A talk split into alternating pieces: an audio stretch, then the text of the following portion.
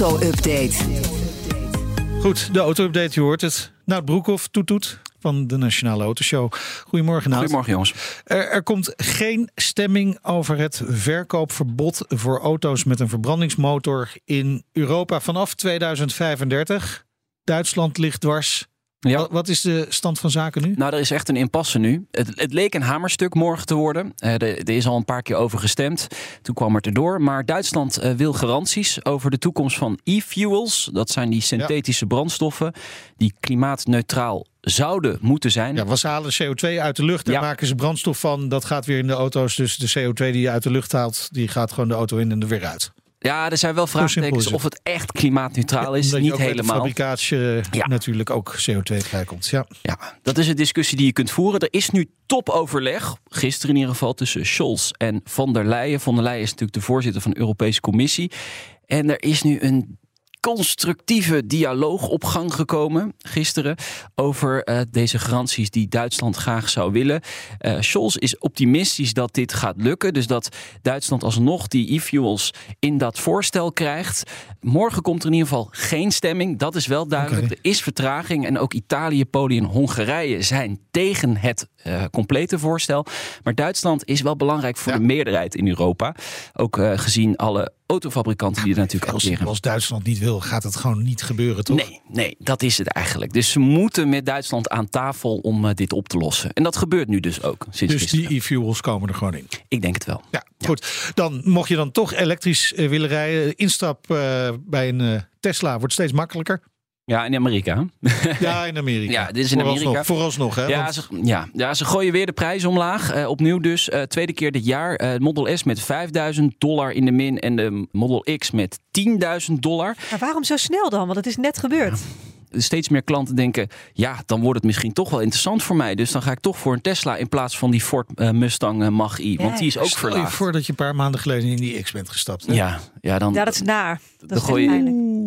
Ja, dat is echt heel vervelend. Je kan aan ja. de andere kant ook denken, ik wacht nu nog even langer. Want over twee maanden gaat die prijs weer omlaag. Ja, maar bij Elon Musk weet je het niet. Nee. Het kan zomaar weer volgende week omhoog gaan. Ja, dat is waar. dat is wel het bekende recept van hem. Ja. Hij heeft het ook in China gedaan, in Ja. Europa. Daar heeft hij het één keer gedaan, maar dat heeft wel veel eh, gedoe opgeleverd.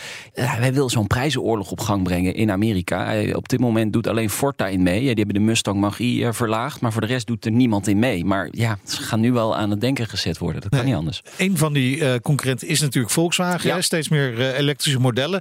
En Volkswagen schept ook de doelstelling voor de verkoop van de elektrische auto's verder aan. Ja, in Europa in eh, 2030 moet minstens 80% van de verkochte auto's volledig elektrisch zijn. Dan moeten ze de prijs omlaag gooien.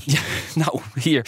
Eh, het doel was 70%, dus 10% erbovenop. Eh China en eh, Amerika, daar willen ze eh 50% eh, van hun verkoop elektrisch hebben in 2030. Dus het is wel een groot verschil dus.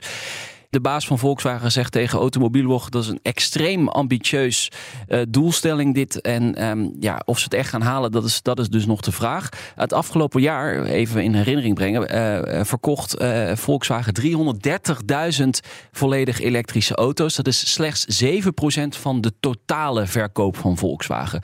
Kortom, er is nog een hele grote groei nodig. Willen ze deze doelstelling in 2030 gaan behalen? Dan Porsche is bezig met een behoorlijk potente hybride 911. Ja, de GT2 RS Hybrid. Wat is er Ehm, een die schuin omhoog steekt? schrijft eh, de Britse autocar. Eh, het wordt eh, de krachtigste en snelste straatvariant van de 911 ooit gebouwd. eh, met meer dan 700 pk. Ja, Ehm, dus als je hard genoeg gas geeft, dan gaat hij inderdaad schuin omhoog. Oh, Oké, waarschijnlijk. Hij stijgt op. Ja, ik snap hem. Dan stijgt hij op. Eh, hij is gebaseerd op de, de 911 Turbo. Eh, aandrijflijn komt uit de Le Mans auto's Oh ja. van Porsche. Interessante technologie. Zeker als ze dat op de straat kunnen krijgen.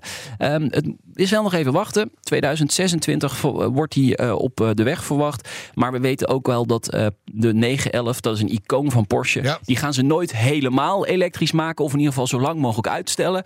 Dus we weten wel al dat die ook voor op de straat hybride gaat komen. En daar komt dus ook een topversie. Die eh, GT2 RS Hybrid. Met meer dan 700 pk. Wauw. Ja, dat is echt fijn. fijn, Hey, ja. ehm, Hyundai wil Ja. auto's aan eh, gamers gaan verkopen. Ja, dat zou je me, zo kunnen toch? zeggen. Ja, er is een patent opgedoken door eh CarBuzz. Dat is een eh, Amerikaanse autosite. En ja, dat patent legt de werking van het systeem van joystickbesturing tot in Het is detail geen uit. vliegtuig, hè? Het is een auto. Nee, nee, nee.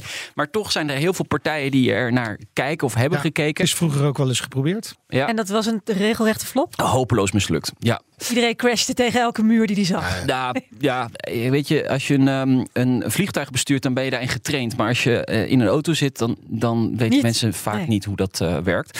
En Eh, is- bovendien ga je met een vliegtuig ook niet alleen maar naar links en naar rechts, maar ook naar boven en naar beneden. Ja. Dat scheelt nogal. Dat scheelt, ja.